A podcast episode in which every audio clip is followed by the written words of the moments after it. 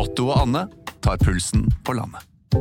Ja, det gjør vi. Jeg heter Otto Jespersen, og hva var det du het igjen? Jeg heter Anne Grosvold, og hver uke har vi med oss en interessant gjest. Det har vi. Otto og Anne tar pulsen på landet, hører du der du hører podkast. En podkast fra Podplay. Ready? You have the cameras rolling? He was hosting boozy parties in Downing Street. Well, when the president does it, that means that it is not illegal. I have a dream. We will win this election and we will change the country together. Velkommen. Velkommen. Mitt navn er Eirik Bergesen, Og mitt navn er Sofie Høgstøl. og dette er vårt nokså høytidelige, veldig personlige forsøk på å gå bak eh, nyhetene. Lete etter sammenhenger, si noe om fremtiden, på jakt etter det store bildet, slik vi ser det. Og Vanligvis så sier jeg jo hver fredag, men det er ikke fredag i dag. Det Vanligvis sier vi ukas også nyheter for øvrig. Ja. Men nå skal vi oppsummere litt. Jeg- Samle opp. Jeg føler at jeg fikk gjennom mitt største håp og drøm for Arendalsuka. Du fikk gjennom en EU-debatt. Jeg fikk en ordentlig forskerdebatt. Det var det jeg ville ha for Arendalsuka. For i dag så er vi så heldige at vi faktisk skal drive med en boklansering i podden vår. Det har vi så å si knapt gjort før. Vi skal lansere denne vakre boken som jeg har foran meg her, som heter 'Ulikhetens drivere og dilemmaer'. Eh, og Den er ikke bare tilgjengelig for oss fysisk her, for alle dere som er så heldige at dere har fått et fysisk eksemplar. Det er også QR-koder på bordene deres hvor det er link til Open Access-versjonen. Den skal vi også linke til i podden vår, sånn at lytterne våre kan lese det som står mellom disse flotte sidene her. Men Eirik, eh, vanligvis så pleier du å stille med en sånn tema-T-skjorte. Og jeg, lurt, jeg har jo lurt hele uken på hva du skal stille med for, som en tema-T-skjorte for uh, ulikheter. Men det, det er ikke noe tema-T-skjorte å se på deg i dag. Utjevningsmandat. Er du fornærma som venstrepolitiker? Altså, jeg føler at Det var sånn, nesten en sånn venstre-diss å stille sånn utjevningsmandat. all den tid. Det er ofte det vi ikke får i norske valg. Eh, men vi skal ikke snakke om den form for ulikhet i dag. Og Vi skal ikke snakke om, om venstrevalget, men vi skal snakke litt om valgkamp. fordi uh, Ulikhet var jo det som, hvis dere husker tilbake, uh, i valgkampen for to år siden, det var noe som preget valgkampen veldig. Både debattene og faktisk hvordan folk stemte. Uh, og Siden den gang så har vi jo, altså da på, liksom på vei ut av en pandemi, så har vi hatt strømkrise. Høye renter, høye matvarepriser, altså dyrtid, rett og slett. Og det har jo bare økt forskjellene. Det har blitt mer ulikhet.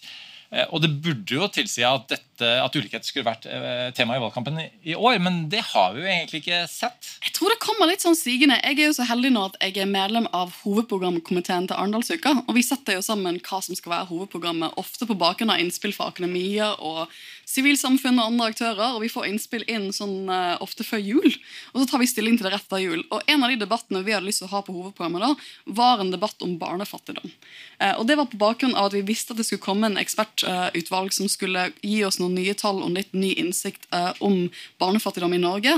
Ledet av Maria Rege, som er professor i samfunnsøkonomi.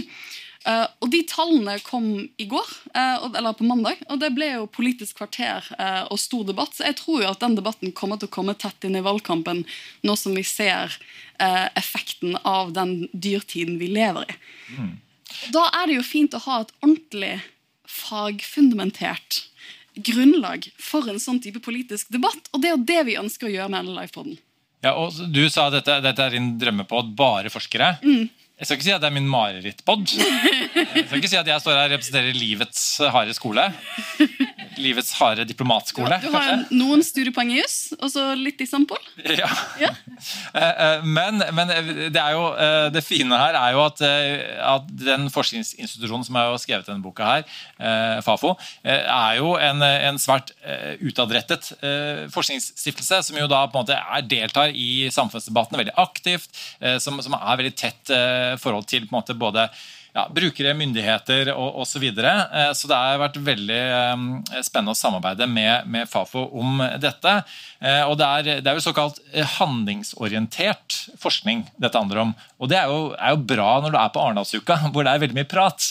Absolutt. Veldig mye pratorientert. eh, Veldig mye ja, pratorientert, eh, ikke forskning. Ja, også Det vi Men- skal ta utgangspunkt i i dag, er på en måte sånn, altså, hva, hva konkret er det som skjer i samfunnet når det gjelder ulikhet. Liksom, det henger jo tett sammen med integrering, f.eks. Innvandring. eh, Arbeidsmarked. arbeidsmarked, ikke minst. Eh, og og, og så, så er det alltid det vanskelige med dere forskere er jo å få dere til å spå litt om hva som kommer til å skje i fremtiden. Jeg er veldig spent på om du ser får noen av oss til å spå ting i Ja, fremtiden. jeg prøver alltid å lure deg litt eh, ut på. og så skal vi, vi skal, Det er masse forbehold. Jeg skal prøve litt på det også nå med, med Fafo-forskerne. Og du vet av dere har også eh, forsket på nettopp sånn framtidens arbeidsmarked, så vi skal, vi skal peke litt fremover også. Ja, Men før vi gjør det, så må jeg opplyse de av oss som er så heldige å være fysisk, at vi er på en båt. Eh, og det betyr at Hvis det er en eller annen form for krise, så hopper vi ikke inn i livbåtene, men vi går av båten. Eh, det tror jeg vi skal greie. Jeg håper at vi skal greie det. Dette er jo litt sånn morsom kontrast, for Vi har vært i en debatt tidligere i dag som var inne i lavvoen som er som oppe på Arendalsuka. og Der har de bål. Og De sa det skulle bli en kokende varm debatt, men det var så varmt. Jeg holdt på å svette i hjel. Så jeg har, jeg har tid til å gå tilbake på hotellet og dusje og, uh, en- og endre antrekk. Det har ikke du. Det er ikke jeg. Nei. Uh... Um... Og, og, jeg- og jeg kommer rett fra en, en energidebatt. faktisk Vi hadde sånn åtte dilemmaer. Og da er det noe som faktisk folk er veldig veldig engasjert i, eh, så er det det. Eh, Så, så det, det kokte litt der inne også. Ja. Eh, Og nå skal vi lene oss litt tilbake, ha en litt innsiktsfull og, og um, faglig basert debatt. Men det er et felt hvor det er veldig um, Det er stort engasjement. Og det er noen helt åpenbare interessemotsetninger. Og det er uh, saker som, som veldig ofte stjeler overskriftene i media. Og med det så tror jeg vi går rett på. Altså, for det, når jeg, jeg har jo faktisk fått en PDF-versjon av eh, boken eh, på forhånd. Når jeg satt og leste litt i den, så likte jeg jo veldig godt at de begynte jo på mange måter med det som ofte er utgangspunkten i vår podkast. For andre setning i boken er at ved inngangen til 1980-årene rådet optimismen i Norge. Um, og de stiller jo som opp at man hadde denne 80-tallsoptimismen som du på mange måter personifiserer. uh, Eirik, eh, jeg, jeg var jo knapt født på 80-tallet. 2023-optimisme nå, for øvrig. Ja. Den er jo enda mer naiv enn uh, 1989-optimismen, men ja. Men som de skriver i boken, så har vi liksom, liksom, Hva skjedde egentlig med denne 1980-tallsoptimismen? Uh, og så beskriver de alle de krysspressene som er i verden i dag. Sant? Det er de økende prisene på mat og strøm, det er høye renter, det er krig i Europa, og det er en utbredt bekymring for alvorlige klima- og miljøødeleggelser som skaper endringer og snur våre vaner og forventninger. Og Derfor så vil de jo se på sånn, hva er konsekvensene for dette komplekse storbildet inn på ulikheter, og sånn, da særlig rettet mot det norske eh, bildet. Eh, og Da er det jo bare én måte å åpne et bokbad på, og det er å invitere en av de som virkelig har stått på for denne boken. Hanne Cecilie Kavli, som er forskningsleder for Fafo, og som vi kan se på forsiden av boken. En av redaktørene bak boken. Velkommen opp til oss. Hvordan, hvordan føles det å stå her med boken i hånden? og Eh, Veldig veldig hyggelig. Eh, Både for meg og for de 27 forfatterne som har vært involvert i dette bokprosjektet. Og som har jobba beinhardt for å holde våre heftige tidsfrister. Men, men veldig hyggelig. Heftige tidsfrister, det liker jeg. Eh, Um, Kan jeg bare få eh, skyte inn her, eh, som den som har tilrasket seg noen studiepoeng, som Sofie sa, Kona hans er professor. og, og, og, begynne, eh, og, begynne med rett og slett det som eh, så vidt jeg husker, man holdt på med på universitetet, nemlig altså definere. Eh, Så begrepet ulikhet, eh, Hanne Cecilie, hvordan vil du definere det før vi begynner? Jeg vil si først at Det er bare moren min som kaller meg Hanne Cecilie. Okay. Jeg var litt streng nå, for at, eh, ja, så jeg følte at det, kan være at jeg slapp litt av på det etter hvert. Ja, men, men kanskje er det fint, fordi at jeg tok meg litt sammen nå umiddelbart. merket. Jo, altså Definisjoner. Eh, eh, altså Ulikhet kan jo defineres på ulike måter. Eh, og eh, ofte så er det lurt å starte med det motsatte, likhet. Uh, og vi prater gjerne om tre ulike typer likhet. Altså Den første er formal likhet. Eh, handler om juridiske rettigheter. Typisk eksempel kvinnelig stemmerett i Norge i 1913. Ikke sant? Det er en formal likhet. Folk skal ha like juridiske rettigheter, f.eks. til å ytre seg. Så har vi den neste typen av likhet, og det handler om like muligheter. Eller sjanselikhet. Eh, og det handler mer om at status eller bakgrunn ikke skal definere hva slags levekår eller hva slags handlingsrom du har som menneske. Eh, og Et eksempel her som jeg liker å bruke, det er jo Statens lånekasse for utdanning. Eh, som for ikke så lenge siden fylte 75 år, og er blitt beskrevet som en maskin for sosial mobilitet. Nettopp pga. den rollen den institusjonen har hatt i å eh, jevne ut på en måte mulighetene for folk som har ulik bakgrunn, til å ha, oppnå en sosial mobilitet gjennom utdanning. Eh, så det handler altså om å bygge bro mellom formelle rettigheter på den ene siden og reelle muligheter på den andre. Og så har vi den tredje formen for likhet. Eh, og Det er altså, handler om like resultater eller likhet i utfall. Og er jo, Der er det større uenighet, og den er mer krevende å få til i praksis. Fordi det kan være nødvendig å forskjellsbehandle for å oppnå større likhet hvor mye forskjellsbehandling og på hvilke områder. og Det er det, som vi alle vet her, stor politisk uenighet om. Eh, og Samtidig så er det sånn at det er vanskelig, eller det er mye som tyder på at det er vanskelig å oppnå sjanselikhet hvis ikke man har et visst nivå også av resultatlikhet det var nydelig. Det var, altså når jeg har om ulikheter med eh, jusstudentene mine, så, er, så, gjør vi jo mye menneskerettigheter sammen. og det er jo akkurat det som, Hva er forskjellen på å ha formelle rettigheter og formell liksom, likestilt for loven? Og hva er det i realiteten det betyr å ha utfallslikhet? Og Det, sånn, det kan være en veldig vanskelig sjanger å sjonglere mellom. Men hva er liksom, med det som bakteppe, hva er, hva er holdningsendringene dere har kartlagt i boken? For Vi snakket jo om denne 1980-tallsoptimismen. Ja. Uh, og, det, jeg, visste jo du skulle stille det spørsmålet, og det har jeg ikke noe godt svar på. og det er fordi at ulikhet foregår på mange dimensjoner. Mm. Så det er mange forskjellige svar på det. Det var en stor optimisme, men så er det jo drivere i samfunnets utvikling som går i retning av større økonomisk ulikhet, f.eks. Men vi ser jo også annen type ulikhet, altså f.eks. Altså kulturell ulikhet. Eh, som jo er et hett eh, og veldig sterkt debattert tema. Altså Hvor mye kulturell ulikhet er akseptabelt? Hvilke konsekvenser har det? Der vil det også være sterk polarisering og mye uenighet. Så, eh, men noe av det som er eh, tilfellet nå, det er jo at en del av de driverne som er med på å skape ulikhet, de har vært der lenge. Men de har økt i intensitet nå den senere tiden. Altså Et eksempel er eh, globaliseringen. For eksempel. Eh, det har aldri vært så mange internt fordrevne eller så mange flyktninger i verden som det det er i dag. Det slår inn i alle typer samfunn, også vårt, og har store konsekvenser potensielt for ulikheten i Norge også. Hvor store konsekvenser det har, det handler om hva slags politiske verktøy vi bruker for å håndtere det, men ikke bare. Og Det er jo noe vi kommer tilbake til litt seinere nå mm. i poden. Men eh, som folkets mann her i panelet, eh, hvilket nivå av ulikhet er på en måte greit for den norske befolkningen? Eh, det vil jo være avhengig av hvilken del av befolkningen du stiller det spørsmålet til. Fordi her er det uenighet. Eh, på noen områder så vil de fleste være enige. Altså, du nevnte barnefattigdom tidligere her, og at dere har vært en, i en debatt om fattigdom nå. Og vi vet at andelen barn i Norge som lever i det som heter vedvarende lavinntekt, den har økt betydelig over tid. Eh, de aller fleste, hvis du spør dem direkte, vil være enig i at eh, det å være barn Et barn har ikke selv skyld i den situasjonen det er i. Så det å være barn og vokse opp i fattigdom, med de konsekvensene det har, det bør vi forsøke å unngå.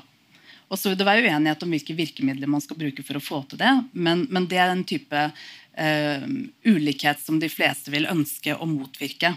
Og så er det andre typer ulikhet, altså f.eks. ulik avlønning i arbeidslivet osv., hvor, hvor på en måte debatten vil ta en litt annen retning. Ja, altså, jeg, jeg, tenker jo at Nå begynner vi å komme ned i materie, men hvorfor valgte dere å gi ut denne boken nå? Med alt det som bakteppe? Det er jo fordi at vi mener at ulikhet er et veldig veldig viktig tema. Vi ser at ulikheten øker på flere av de områdene hvor våre forskere jobber til daglig og forsøker å gjøre en forskjell ved å tilby kunnskap som kan være med på ikke å ta politiske beslutninger, men å informere dem. Sånn at de tas på best mulig grunnlag. Eh, så, så ulikhet favner rett og slett om veldig mange av de temaene som vi forsker på og jobber med til daglig. og Derfor så hadde vi lyst til det. Og så er det også mange måter å studere ulikhet på. altså Man kan gå løs på Gini-koeffisienter og gjøre store økonometriske analyser. Man kan også som mange gjør, vi gjør det også, altså, men som mange av oss gjør, så er vi også inne og ser på de norske institusjonene. Arbeidslivet, velferdsstaten, utdanningssystemet, og ser hvordan disse institusjonene på ulike måter er med på å forsterke ulikhet eller å redusere dem. Og Det er meningsfullt, syns vi, og derfor hadde vi lyst til å lage bok. Og vi skal straks snakke om disse ulike temaene og se på en måte helt konkret hvordan det spiller seg ut. Eh, men altså, er det sånn at vi med den samfunnsutviklingen som du påpeker, globaliseringen og som er ja, Vi ser et veldig sånn temposkifte også med, med, med, krig og påfølgende økonomisk krise, energikrise osv. Må vi forberede oss på et høyere nivå av ulikhet i Norge? Det er et vanskelig spørsmål. Altså, man skal ikke prøve å spå, da, selv om du sa at man skulle prøve å lure oss utpå. Men, men eh, kanskje. Eh, det er jo på, Langs mange dimensjoner så ser vi at ulikheten øker.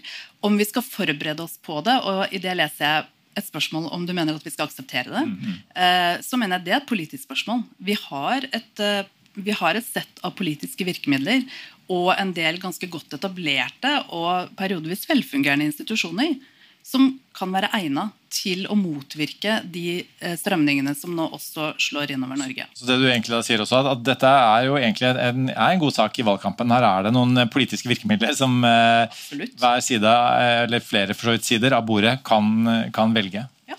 Mm. Vi skal jo snaks, straks gå videre sånn, til temabolk om dette, men jeg tenkte en av de tingene du sa innledningsvis er ganske spennende. det er at pga. dette komplekse verdensbildet vi lever i akkurat nå, alle disse krysspressene vi har fra krig, liksom, fra uh, økte uh, kostnader generelt sett i samfunnet, um, teknologiutvikling ikke minst, ikke så er det ganske mange drivere på gang nå. Hva gjør det med tempoet i ulikhetsutviklingen? Uh, vi tror jo at det bidrar til å øke tempo i utviklingen av ulikhet. Og det, det, setter også i gang en del altså, nye utfordringer. og jeg jobber jo med innvandring og integrering, så det er nærliggende for meg å ta et eksempel fra det feltet. Og, og Det vil jo da være tilstrømningen av ukrainske flyktninger til Norge nå. Altså i, eh, Ved utgangen av juni så var det kommet 50 000 eh, ukrainere som da var bosatt i Norge. I løpet av den halvannen måneden som har gått siden, så har det kommet 4000 til. Eh, det setter det norske liksom, bosettings- og integreringsapparatet på ganske stor prøve. Eh, I tillegg kommer det ganske mange andre. Så det, det, betyr at vi er nødt til å være innovative i de velferdsstatlige løsningene for å gjøre det som velferdsstaten skal, for å håndtere den tilstrømningen. Og det betyr at eh, alle institusjonene står i en situasjon hvor de må ha en eller annen form for omstillingsevne. Uh, og det krever litt nytenkning, og det håper vi også at vi kan bidra med litt i dag. Mm. Uh, og med det skal vi gå litt videre til framtidens arbeidsmarked. Tusen takk skal du ha, Hanne.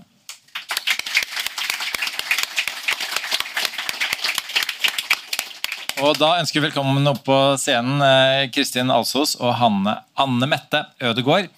Og begynner med deg, Kristin. Hvilke utviklingstrekk tenker du vil bidra til økt uh, ulikhet i arbeidslivet fremover? Fremover, altså. ja, det lå ikke med tittelen 'Fremtidens arbeidsmarked', så da var det uh, rundlurt. Ja. Nei, men uh, altså Ofte nå når man liksom snakker om utviklingstrekk, så kommer man tilbake til disse megatrendene sånn, som har vært veldig sånn i, i vinden de siste årene. og Da nevner man globalisering eh, automatisering, altså ny teknologi, som du var inne på. Eh, endringer i demografi. Vi blir eldre, og det er færre som, som eh, er, er, i arbeid, eller arbeidsstyrken stagnerer. Og så er det det grønne skiftet. Eh, så alle disse som på en måte påvirker samfunnet generelt, vil jo påvirke arbeidslivet eh, også. Og så er jo spørsmålet ok, men vil det føre til mer ulikhet. Eh, og det er jo egentlig, altså, det kan det, men det trenger det ikke å gjøre. Og det er, jo, det er, jo, avhengig av hvordan vi eller hvordan politikerne tenker at vi skal møte dette. For det er jo politiske valg. Um, så det er jo ikke noe som er forutbestemt at det vil føre til det, men det avhenger rett og slett av politikken. Så um, Skal jeg ta et eksempel da, når, for eksempel, når det gjelder ny teknologi? da, så vet vi jo at uh, arbeidsoppgaver kommer til å bli borte. Uh, kanskje kommer jobben, uh, enkelte jobber også til å bli borte. Og det vi ganske sikkert ser, er jo at det vil bli større konkurranse om disse lavkompetansejobbene. altså De som ofte er sånn introjobber for de som eh, ikke har så mye formell kompetanse, for unge, for innvandrere osv. Så, videre. så der kan kampen bli større. Eh, og dette er jo liksom deler av arbeidslivet der, vi også, der de arbeidstakerne har dårligere vern. De er ikke organisert, de er ikke omfattet av tariffavtaler osv. Som gjør at de kanskje har en, både en manglende stemme, men også eh, vanskeligere på en måte kan sikre seg de samme rettighetene som vi har, eh, f.eks. Eh, sånn at hvis konkurransen blir hardere der, så kan det føre til at det blir mer utrygge jobber. Eh, og at du, liksom, de fleste av oss fortsetter videre i et arbeidsliv som egentlig er verdens beste arbeidsliv, som både LO-lederen og NHO-lederen sa tidligere i dag. Eh, mens at du har liksom en del som blir hengende litt etter. Og Vi ser det f.eks. på når det gjelder lønnsulikhet, eh, som har blitt, blitt, eh, blitt større. Eh, og hvorfor blir den større? Jo, det er for at de, de som er de dårligst betalte jobbene, de klarer ikke å henge, henge med i lønnsutviklinga. Vi andre, de som er i midten og de som er øverst, de, de stiger eventuelt ut, men de som er lavest nede, ikke omfattet av tariffavtaler osv., de blir hengende etter. Så da er det mer sånn spørsmål ok, Hvordan vil organisasjonene i arbeidslivet eller politikerne håndtere dette? Klarer man å gjøre noe for å få, få de med, eller ikke? Jeg synes at Det som er interessant bare fra mitt perspektiv, da, som utdanner fremtidens jurister, som vi gjør på jusfakultetet ved UiO, eh, og det, det, er jo at jeg merker at studentene mine har et litt annet forhold til det arbeidsmarkedet de skal ut i, enn det de kanskje jeg føler hadde for ti år siden da jeg begynte å undervise. I den forstand at Vi hadde en jusstudent som skrev en, en skikkelig god kronikk i DN uh, for noen måneder siden om liksom, nå kommer AI, kunstig intelligens, inn og automatiserer det som var veldig mye sånn klassisk advokat-juristjobbing. Sånn type sånn dokumentanalyse, f.eks. Hva er det du gjør når du er junioradvokat? Jo, du gjør masse dokumentanalyse. Men de jobbene er kanskje ikke det. Og det er ikke det, er ikke sånn, det, er, det er ikke det det er fem år til. Det kan være at det er ett år til. Eh, de løsningene, de løsningene ser vi allerede i andre deler av verden. Og da er det liksom, Jeg merker at det er en sånn um, økende frykt da, for at jeg har valgt en veldig sånn eh, trygg og traurig utdanning som juss og tenker at det skal utdanne meg til veldig mye forskjellig. Men nå er jeg litt usikker på det arbeidsmarkedet jeg selv skal ut i. Eh, for en AI, eh, Sofie Høgestøl. Du er ute og reiser. Jeg tror sikkert den er flinkere enn meg. Det, det er jo AI det slipper enda lettere til? Nei, det gjør det ikke. Uh, det, men, det er jo sånn er, Man har jo tatt uh, juseksamener i USA gjennom noen av disse programmene, og de har, programmene har skrevet A-besvarelser. For et år siden så skrev de C-besvarelser, nå skriver de A-besvarelser. Jeg tror ganske mange njålete jurister, meg selv inkludert, har tenkt at nei, men det er ingen som kan gjøre den jobben jeg gjør. med sånn dyp analyse, Men nå ser jeg på deg. Men for mange jurister, det, vet du, det er jo også et sykdomstegn. det, kan, det, kunne vi også snakket lenger om. Et, eh, ja. Men ser vi tendensene til større si for mange akademikere her vi er på Arendalsuka. Nei, nei det, det, har vært en ny rapport fra Abelia. Det er ikke noe mastersyke i Norge, Eirik. Det har jeg lest. Eh, men hva, ser vi en tendens til større forskjeller? Anne Mette? Ja, Nå var jo Kristin inne på veldig mange av de poengene. Men sånn apropos kunstig intelligens, da, så må jo målet være ikke sant, det du snakket om, så må jo målet være at denne juristen, da, som kanskje ser at uh, arbeidsoppgavene glipper, at vedkommende får mer interessante oppgaver. Det er jo det vi må bruke dette til. Og så er jo da utfordringen at ikke for mange faller fra. Og det er jo det ikke sant, med økende forskjeller. Eh, det er jo en tendens til strekk i laget. Det er flere, er flere lavtlønte, og det er flere høytlønte. Altså det er eh, økende ulikhet. Så eh, hvis man da skal tilbake til, til 80-tallet, som jeg husker, så er jo da utgangspunktet i norsk arbeidsliv er jo at det er, det må man liksom understreke gang på gang, det er jo stort sett veldig bra. Eh, men da eh, sant, Lave lønnsforskjeller eh, altså, har vært en sånn kjennetegn med norsk arbeidsliv. Og det, akkurat det ser man liksom kanskje litt tendenser til at blir forrykket. da. Og hvis man da får Altså, hvis man ikke får alle med seg, så, eh, så og får økende ulikhet, så ødelegger litt det den, den berømte norske modellen, da.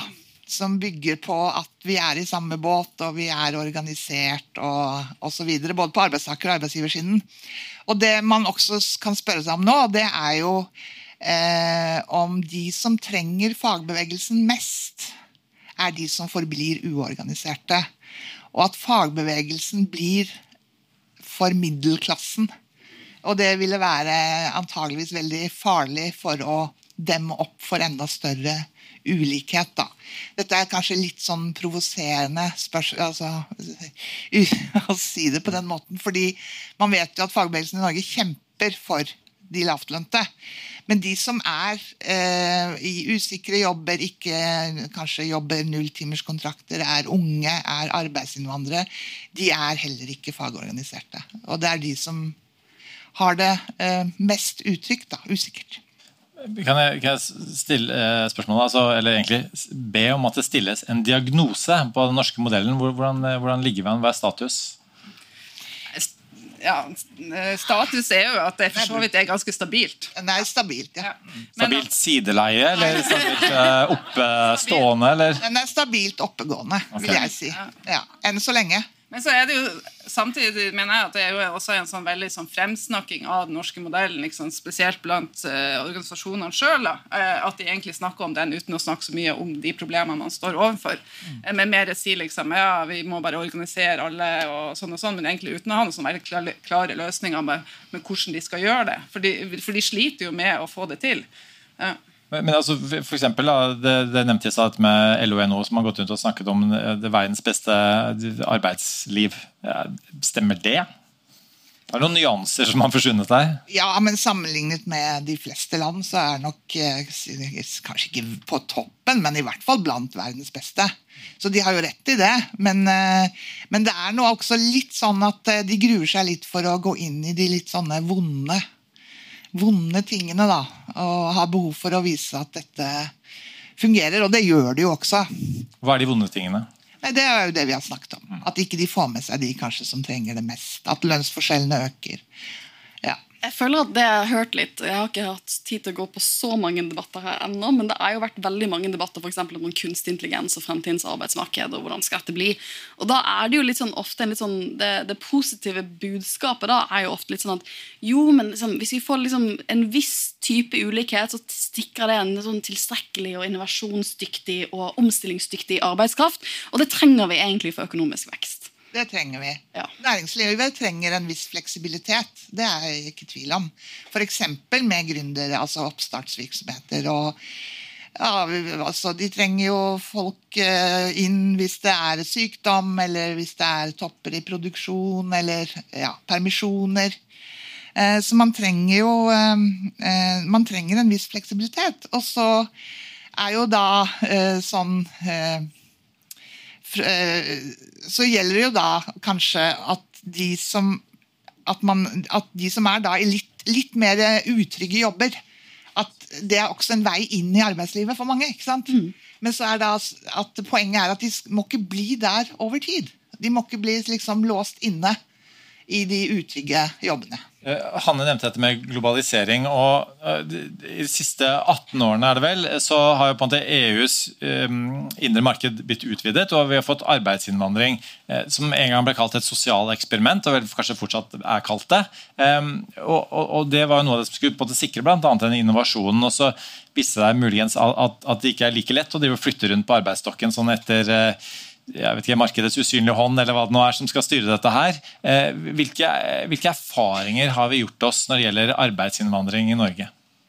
Nei, Vi har jo hatt uh, veldig stor bruk for den arbeidskraften. Og det har jo vært, uh, det har jo vært tidenes innvandringsbølge.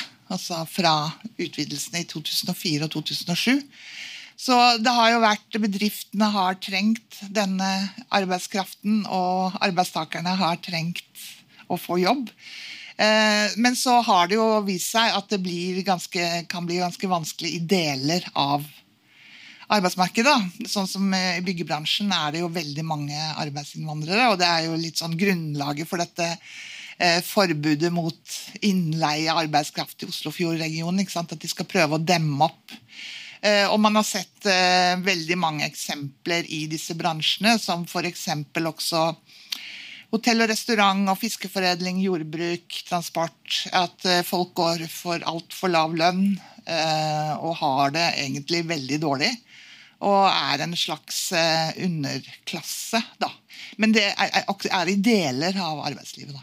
Kristin, vi, skal jo ikke spørre for mye om sånn å se inn i fremtiden, men det, liksom, hva, har dere gjort deg noen tanker om hva man kan gjøre for å demme opp om noe av disse, dette ulikhetsperspektivet vi ser i arbeidslivet, i, sånn, i lys av disse innovasjonsbehovene som vi har vært innom? Altså, det er selvfølgelig ikke noe, noe lett løsning, for da hadde sikkert organisasjonene sagt, sagt det allerede. Men jeg er jo litt sånn for kanskje å være litt hardere i klypa enn det man, det man har vært til nå. da. Eh, altså, det kan godt hende at hvis de klarer å organisere opp folk og lage tariffavtaler, eller opprette tariffavtaler, sånn, så det er veien å gå. Men det, men det er klart det finnes økonomiske insentiver som man kan sette i verk hvis man liksom vil gi bedriftene en enda bedre, en enda bedre motivasjon for, eksempel, for, å, for å få tariffavtale, eller enda bedre eh, motivasjon for å organisere. Men så skal vi jo huske også da, at ok, vi har organisert arbeidslivet på denne måten i Norge og i Norden. Det finnes jo veldig mange andre land som også har et arbeidsliv, så det går jo an å gjøre det på en helt annen måte enn det, enn det vi gjør her. Så det er jo ikke sånn at hvis vi ikke klarer det, så, så faller, alt, faller alt sammen. Men, eh, Men kanskje litt harde klype? Ja, jeg vil si det. Ja. ja, men da har vi et funn, føler jeg. Eller en mulig sånn vei videre. Tusen takk til dere. Jeg tror vi skal, vi skal ta dette eh, kjapt over til innvandring og ulikhetsrive. 20 nye sparetips hos Kiwi. Mitt sparetips er nyheten fra First Price. Store tortillalefser. Garantert billigst i Kiwi. Nå får du First Price store tortillalefser til 29,90, First Price kjøttdeig av svin uten salt og vann til 29,90 og mange andre First Price-nyheter hos Kiwi. Og jeg føler at Innvandring og ulikhetsdriver er jo en perfekt overgang fra det vi nettopp snakket om. Vi skal ønske velkommen til Guri Tyldum og Jon Horgen eh, Friberg. Velkommen. Takk, takk. Jeg liker at dere også har bøkene deres klare og masse notater. Det er som å være på podkast med Sofie. det. Det mangler sånne forskjellige fargede sånne små uh, klistrelapper. Um, Begynn med deg, Guri. Altså, innvandring det beskrives ofte som en, den store driveren eh, for økt eh, ulikhet. Um, og, og Hvilke faktorer er det som egentlig avgjør det? Altså, eh, innvandring er jo en eh, går jo stort sett fra fattige land til rike land. De fleste migrasjonsstrømmer. Og det betyr jo at av og til så kan jo for så vidt migrasjon være utjevnende mellom land. Eh, fordi at man kan reise fra fattige land og sende penger tilbake igjen til disse landene. Men for verdens rikeste land som Norge da, og andre eh, eller land som tar imot migranter, så fører det gjerne til økt ulikhet fordi fattige mennesker kommer inn eh, til landet.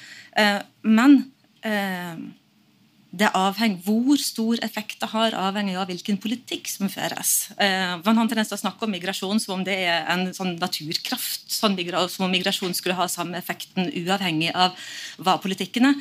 Eh, men eh, hvis man har en integreringspolitikk som prøver å utjevne disse forskjellene, som kommer gjennom det, så vil jo man på sikt få mindre ulikhet. Hvis man ikke har en integreringspolitikk, så vil man ikke ha det. For eksempel, så kommer De fleste eh, flyktninger som kommer til Norge, eh, har lav utdannelse. De har store utfordringer i, eh, med å komme seg inn på arbeidsmarkedet eh, i Norge. Eller hvis de kommer seg inn på arbeidsmarkedet, så hvis de ikke har utdannelse, så går de gjerne inn i det som Anne Mette snakket om, dette migrantarbeidsmarkedet. Hvor det er lave lønninger, ustabil tilknytning, korte kontrakter, gjerne sesongarbeid. Eh, som hvis man blir der, så blir det jo mer ulikhet. Så har man da integreringsprogrammene i de nordiske landene som har som mål å prøve å gi språkopplæring, kanskje formell kvalifisering, sånn at de kan gå inn og konkurrere med oss andre om de sånn faglærte jobbene. Og klarer vi det, så vil det ikke ha så veldig stor effekt på ulikhet. For dette var en av temaene i Politisk kvarter på mandag da de snakket om barnefattigdom. Det var, det var Rødt og, og SV, byråden i, eller Arbeiderpartiet, byråden i Oslo, som, eh, som hadde den debatten. Og da var jo litt sånn Programlederens mottrykk til Rødt var at men dere er jo for en innvandringspolitikk som, som vil føre til u, økte ulikheter fordi at det kanskje ikke er god integreringspolitikk i bånn. Så hva er liksom disse dilemmaene mellom innvandringspolitikk og integreringspolitikk som har blitt et tema i valgkampen igjen? Ja, for det, Problemet er jo at samtidig som vi vet veldig godt at man kan dempe ulikhetene gjennom å ha gode uh, velferdspolitikk, uh, Nav kan komme inn og bli de som er så langt fra arbeidsmarkedet, sånn at andre generasjon i alle fall klarer seg. men Samtidig så har det blitt en konkurranse mellom europeiske land om å framstå som ikke altfor attraktiv. Eh, man ønsker ikke å være det landet som har de beste løsningene, for da kommer jo alle migrantene til oss. Så har det blitt, etter, Særlig etter 2015 så var det det vi gjerne kalt for en race to the bottom uh, i asylpolitikken. var om å gjøre å fremstå som dårligst, sånn at ikke de kommer. Sverige ble jo kjent for at de prøvde jo å holde ryggen rak og tenke at dette her er ikke en god politikk, så de beholdt de gode løsningene og endte opp med å få veldig veldig høye ankomsttall. Eh, så du ser at du får en sånn tendens til å redusere gradvis på integreringspolitikken fordi man ønsker å fremstå som minst mulig attraktiv. Og Da kommer det spenningsforhold mellom integreringspolitikk på den ene siden, som vi vet vi trenger, og migrasjonspolitikk på den andre siden. Og Oftere og oftere så ser vi i diskusjonen om migrasjonspolitikk at du får disse migrasjonspolitiske hensynene kommer inn som argument for hva slags type politikk vi kan føre. Um, ja. Før vi går til deg, Jon, bare Guri, eh, oppfølgingen av det. altså man har jo strammet inn på flyktningers rettigheter i Norge som i en del andre europeiske land um, av innvandringspolitiske hensyn. Kanskje ja, de siste tiårene, faktisk. Altså, hvilke sånn utidssiktede virkninger har det hatt med tanke på integrering? Altså, du har jo, Først og fremst så har du tendensen til økt ulikhet i seg selv, økonomisk ulikhet, nettopp fordi at, uh, at de får mindre penger. Uh, men du har også den konsekvensen at du, du, begynner i større grad å sammenligne de flyktningene som kommer, blir ikke lenger som sammenlignet på samme måte med oss. At vi sier at okay, asylsøkerne må ha omtrent samme levekår som vi har, men de skal ha på samme levestandard som asylsøkere i andre land. Flyktningene, Hvordan er situasjonen for flyktninger i Norge sammenlignet med flyktninger i Frankrike, Italia? Så vi får en sånn eh, dualiseringsprosess, da, hvor deres rettigheter går inn i det systemet, mens våre rettigheter er liksom her. Og man får en tendens til å ja, at de blir en utenforskap. Eh, de, vi ser ikke på dem som en del av vårt fellesskap. altså I økende grad så er vi på innsiden, og de på andre siden i et annet system. Og det har som gammel rockende student vet du, eh, mm. konsekvenser når vi ikke lenger ser, eh, ser på de som en del av vårt fellesskap. Så forsvinner også ønsket om refordeling. Eh, og gradvis så forsvinner også måte universalismeprinsippet som velferdsstaten bygger på gjennom at vi, ja, vi, ikke lenger ser på de som en del av oss. Så det blir vårt system og deres system. Jeg synes det er veldig spennende, for eh, Hvis du ser på dette juridisk i Europa, nå, så ser du at flere land nå begynner å gå inn for litt det Storbritannia prøver å gjøre, selv om mm. deres domstoler jo har sagt at det antageligvis bryter med menneskerettighetene. Og det er jo at man lager flyktningsmottak i første omgang i, i tredjeland, altså i mm. Rwanda f.eks., som har vært diskusjonen i Storbritannia. Og den britiske regjeringen lefler jo rett og slett litt med å trekke seg ut av den europeiske menneskerettskonvensjonen. For det at de mener at det er det som er den juridiske hemskoen fra å liksom ha mottakerland andre steder. og Det er jo virkelig sånn den siste kanskje destinasjonen av å lage et system hvor det er et liksom, og da, da, snakker vi om asylinstitutter, men å gjøre det fysisk utenfor landegrensen et annet sted, før man, eh, før man eventuelt slipper inn de som da eh, har bestått hele asylprosessen. Men Jon, jeg tenker jo ofte at eh, det å være USA-ekspert eh, om Trump til tider kan være litt sånn betent. Men, eh, men du skriver jo om I hvert fall i dag. I hvert fall i dag. Jeg ble faktisk stoppet av en veldig hyggelig eh, jeg skulle si bestemor som ville at jeg skulle snakke mer om alle de forbrytelsene som Joe Biden har begått på torget i dag. Det skal jeg vurdere. Det skal jeg vurdere. Um, men liksom, når jeg så gjennom en del av forskningen Ja, på Sørlandet. Ja.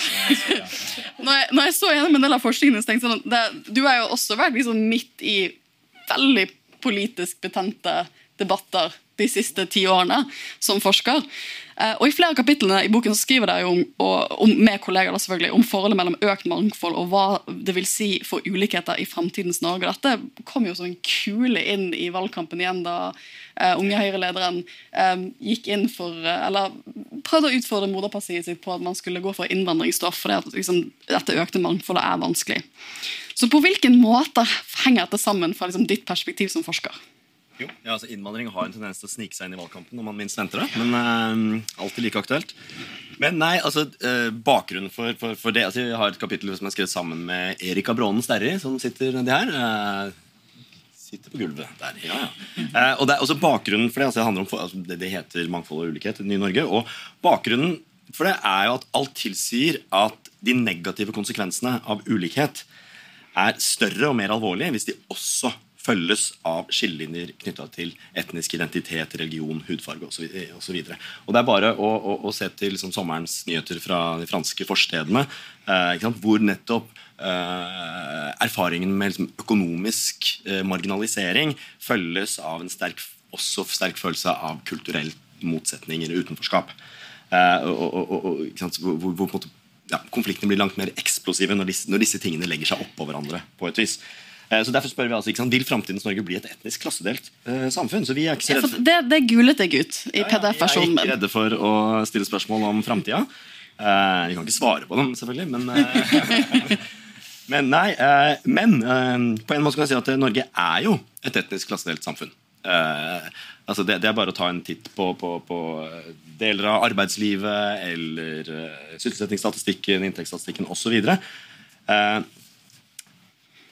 men så er det sånn at, at det består stort sett av innvandrere. Innvandrere er overrepresentert i lavlønnsyrker, utenfor arbeidsmarkedet, de med lav inntekt osv. Men innvandrere, det er mange grunner til det. Innvandrere mangler språket. Eh, mange mangler relevant utdanning som de kan få benyttet i norske arbeidsmarkedet. De mangler kulturelle, kjennskap til kulturelle koder eller nettverk osv. Og, og mange er nok også innstilt på at det å flytte til et nytt land gjør at man må på en starte eh, fra bunnen av. Eh, så, så, så, så, mens, mens lakmustesten da, som jeg gjerne sier, eh, er på om Norge som samfunn er i stand til å sikre like muligheter for alle, uavhengig av etnisk bakgrunn, det handler mer om hvordan det går med innvandrere, barn og etterkommere som vokser opp i Norge og går på norsk skole. Eh, Så Derfor er på en måte forskere veldig opptatt av hvordan går det med innvandrerens barn og etterkommere. Ja, for å eh, spørre deg der, da, Jon Eriksson, du- Vi ser jo at barn av innvandrere det, de, Noen opplever veldig sosial mobilitet. eh, og Det er stadig sånn bare seksere-artikler i Aftenposten osv. Og så er det åpenbart mange som ikke får bare seksere. Og, er, og, og tvert imot møter veldig store problemer og utfordringer i sin oppvekst. Hva, hva er det som gjør at det er så store forskjeller internt blant barn og ungdom av innvandrere? Ja, altså det er, det, det er et eh, stort og vanskelig spørsmål som vi egentlig ikke har eh, noen veldig gode svar på. Men jeg kan si litt om mønsteren. Altså, veldig ofte så trekkes Norge fram som på en måte, et slags foregangsland eller et suksess, suksessland. At det, går veldig, det, sies veldig ofte det går veldig bra med eh, den andre generasjon eller etterkommergenerasjon i utdanningsløpet. Og det er sant. Mye bedre, særlig når man ser på hvordan det går i utdanningsløpet. Mye bedre enn i mange andre europeiske land, som vi liker å sammenligne oss med. Og det tilskriver vi gjerne at vi har et åpent, inkluderende utdanningssystem. eh, Og kombinert med en velferdsstat som beskytter mot konsekvensene av å vokse opp i fattigdom osv. Det er på mange måter de samme, eh, samme institusjonene som man gjerne sier gjør det vanskelig å, å, å integrere førstegenerasjons innvandrere. Fordi vi har et, eh, en høyt utdanna befolkning og en velferdsstat som gjør at det blir veldig dyrt når folk faller utenfor osv. Men de samme institusjonene gjør, bidrar nok også til økt mobilitet, sosial mobilitet for, eh, for etterkommergenerasjonen. Eh, Men bildet er litt mer komplisert enn som så at det bare, at det bare går bra. Eh, Fordi eh, ja, barna innvandrere er i de aller, aller fleste eh, innvandrergrupper eh, overrepresentert f.eks. I, i statistikken over eh, i høyere utdanning. Som tar mye høyere utdanning. Men de er også overrepresentert i, eh, i, i, i eh, statistikken over frafall fra videregående skole, eh, arbeidsledighetsstatistikken og andre som blir avhengig av sosialhjelp, kriminalitetsstatistikken osv. Så, videre. så vi ser ikke bare en veldig stor variasjon mellom ulike grupper, hvor noen grupper gjør det overraskende bra, og andre henger i mye større grad henger etter, men også innad i de fleste innvandrergrupper eller etterkommergrupper ser man en veldig sterk polaris polarisering, hvor de fleste grupper i større eller mindre grad er overrepresentert både i på en måte toppen, på et eller annet vis, altså de som lykkes i utdanningssystemet og, og, og, går videre, og, eh, og i bunnen, de som faller fra. Så det er litt sånn vinn eller forsvinn. på et eller annet vis, Og de det er færre av, det er de som bare på en måte sklir gjennom, fullfører videregående skole og havner og får en vanlig jobb. Mange flere som tar yrkesfag for eksempel, og, og går ut i arbeidslivet. Um, ja, så, så, og dette er liksom ja, øh, du, spurte, du spurte kanskje hva som var årsaken til dette. Jeg prøvde å notere meg liksom, hva vi har. Altså, det, er, det er noen måte, sånne åpenbare, åpenbare forklaringer for hvorfor noen grupper gjør det veldig bra. Mye handler om på en måte, hva du har med deg. Altså Hva foreldregenerasjonen har med seg av ressurser. Ikke sant? Hvis vi ser på indiske innvandrere til Norge, så har vel av den voksne indiskfødte befolkningen i Norge så har over 70% har eh, utdanning på universitetsnivå, mot noen og 30 i den norske befolkningen. Det er ikke rart at det går bra med indiske innvandrere i Norge. på en måte. Og det har noe med seleksjon om hvordan de havna her. på en måte. Andre innvandrergrupper ser det svært annerledes ut. Har vokst opp, eh, Mange kommer fra flyktningleirer, krig, fattigdom, eh, manglende institusjoner, utdanningssystem osv. Og, så videre, og har nesten ingenting med seg i bagasjen. Så det er på en måte åpenbart ja. Ja, enig. Ja, ehm, også, også møter ulike innvandrergrupper ulik grad av diskriminering. Uten tvil. Eh, diskriminering er, Her har vi eh, Norges fremste diskrimineringsforsker sittende her nede fra Universitetet i Oslo. Jeg kunne sikkert sagt mer enn dette, Men det er åpenbart forskjeller mellom ulike grupper i forhold til hvor mye diskriminering, hvor store barrierer man møter for å komme inn på arbeidsmarkedet. Og så er det noe i tillegg, noe som vi ikke helt klarer å sette fingeren på, som handler om eh, familieorganisering, nettverk, familiestruktur, eh, som gjør at noen grupper gjør det litt bedre enn man skulle tro. gitt andre ting, og noen grupper kanskje litt dårligere man skulle tro. Og det ene tingen som, ene i hvert fall i de liksom, analysene vi har gjort, som måte merker seg ut, det handler om andel som vokser opp med to foreldre. noen innvandrergrupper fins altså, veldig sterke familie, eh, fa- fa- fa- familienettverk, familiestrukturer. De gjør det ofte veldig bra i utdanningssystemet. Andre innvandrergrupper som har mer fragmenterte, brutte familier osv. Ja, så, det så det er noen flere ting. Også, men så er det denne polariseringen handler jo nok noe om, om altså, hvor mye Jeg tror nok at det er noe rasjonelt ved det.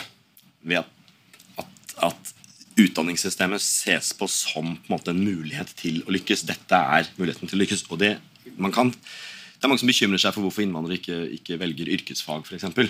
Men vi vet også at det er mye vanskeligere for barn av innvandrere å få unge med minoritetsbakgrunn å få, eh, å få, å få lærlingplass. For eksempel. Og de møter større diskriminering når de skal inn i arbeidslivet. så kan det hende at det er en rasjonell tilpasning å satse på at det er utdanningssystemet som er nøkkelen. Men da blir de litt sånn vinn eller forsvinn. Da. Eh, da Det var et stort og komplekst bilde som viser hvorfor dette er vanskelig. Jeg vil egentlig bygge en liten bord for dette. Sånn, du, Store, komplekse bildet var for øvrig arbeidstittelen på poden vår. ja, eh, Vi tar- det store bildet i stedet. Det er litt, forenkler litt. grann. Jeg tror ikke det store, komplekse bildet hadde blitt en hit. Men, men, men, men, det er, men kan jeg bare få følge opp litt akkurat der? For at, eh, og litt kort svar, da, Jon. Fordi, eh, fordi det- for det, eh, ja, men, men det, kompleksiteten er viktig. Men eh, så har vi tar den tabloide varianten. Da. Jeg, jeg skjønner ikke hvorfor jeg gjør meg til Han er mye hos TV 2. Han er mye hos TV 2. Ja, ja, ja. Det står TV 2 på eh, laptopen min, altså på vegne av TV 2.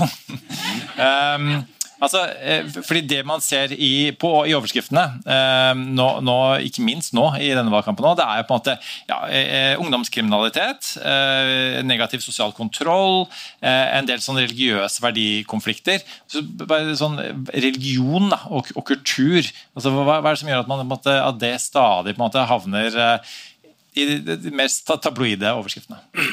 Ja, altså Forskerne på dette feltet har tradisjonelt fokusert mest på sånn utdanning og arbeidsliv. Så det, heng, det henger jo delvis sammen med at øh, vi har kjempegode registerdata og kan følge over tid. og sånn, det er litt vanskeligere. Eh, men altså og, og, og, Ja, i den offentlige debatten så er på en måte spørsmål om kultur mye mer eksplosivt. på et eller annet vis, og Det, det berører jo sant, i mye større grad også både normative og politiske spørsmål, ikke bare et empirisk spørsmål. Uh, om altså, hvor, mye, hvor mye forskjellighet, kulturell forskjellighet ønsker man å legge til rette for? Hvor mye tåler man? på en måte? Uh, sant? Mange syns det er fint med, med mangfold i liksom, kulturuttrykk og mat og musikk, og sånn, men, eh, men så fort du kommer inn på ekteskapstradisjoner og barneoppdragelse, og sånn, så risikerer man at det blir mer konflikter om liksom, grunnleggende prinsipper. på et eller annet vis. Eh, og Det handler også om, om men det handler- ikke bare om hva, slags, hva, hva innvandrere har med seg. Det handler også om på en måte, norsk, norsk identitet, hva det vil si å være norsk, som folk har sterke meninger og følelser knytta til. Så at man tenker seg at, at en norsk identitet, en felles identitet er på en måte nødvendig i et samfunn som Norge. Vi har kollektive institusjoner, omfordeling. Vi må ha en følelse av å sitte i samme båt. Eh, og spørsmålet er sant, er den norske identiteten fleksibel og inkluderende nok da, til å romme også nykommere.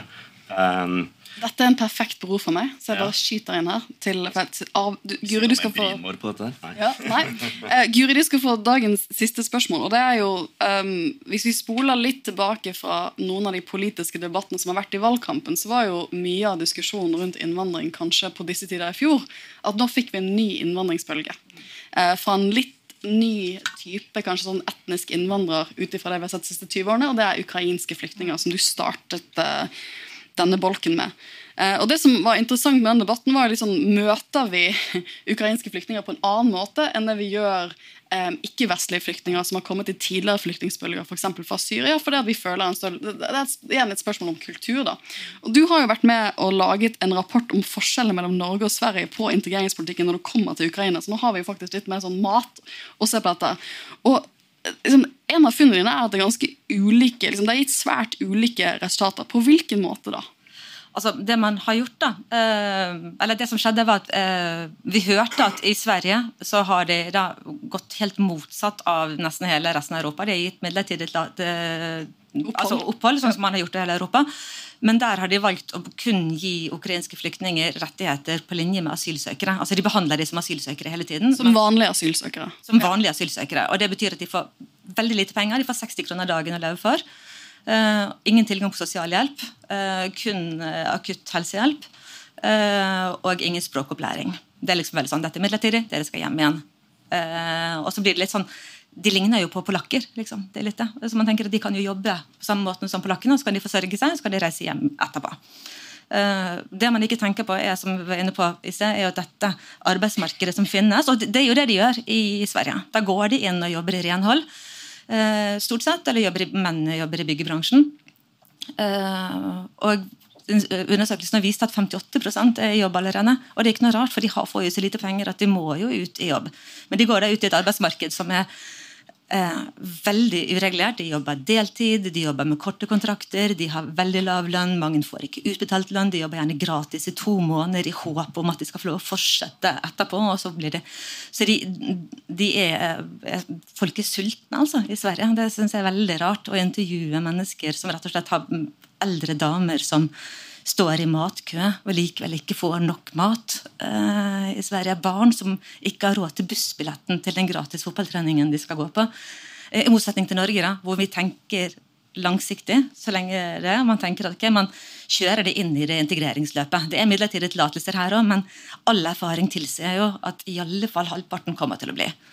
Det, det har aldri vært en flyktningbølge før hvor ikke halvparten er blitt. Eh, og det er ingenting som tyder på at krigen i Ukraina kommer til å ta slutt. med det alle, alle, eh.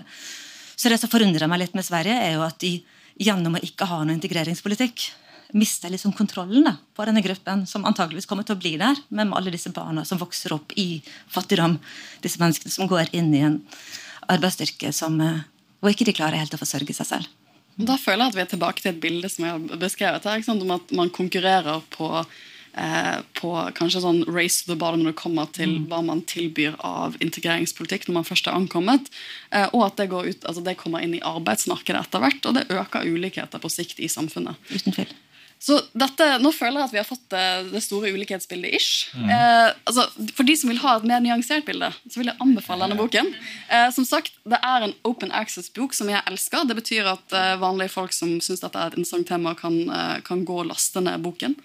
For en som er opptatt av mer enklere årsakssammenhenger så, og ledet en debatt om grensehandel tidligere i dag, så likte jeg liksom at da, liksom Sverige vant litt den debatten med sin harmonisering av sitt avgiftsnivå. Så at, at vi lite stikk til Sverige der, eh, Guri. Eh, og, og, og et lite ja, uh, lite gest til, til uh, den norske modellen.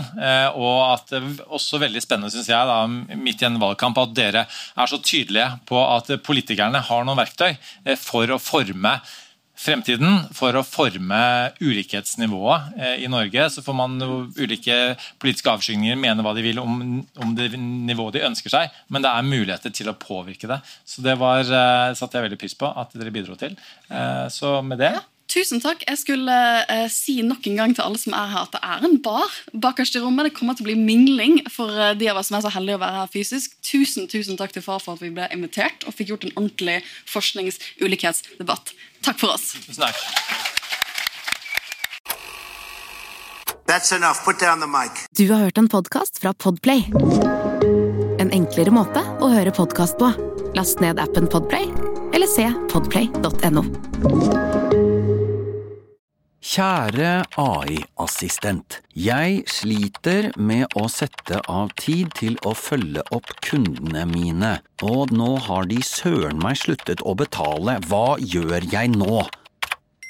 Med Amili, en ny helhetlig løsning fra Visma, kan du automatisere bort de kjipe oppgavene og tilpasse fakturering og betalingsoppfølging for hver enkelt kunde. Og det beste av alt, du får raskere betalt. Amili? La meg sjekke. Amili.no. Kiwi er billigst i VGs matbørs og har vært billigst i fire av de fem siste VGs matbørser. Og nå presser vi prisen på påskevarer fram til 1. april. På 591 gram Toro vaffelmiks presser vi prisen fra 35,90 helt ned til 26,90. På 410 gram Lerum jordbærsyltetøy presser vi prisen fra 29,40 helt ned til 22,90. For det er vi som er prispresserne.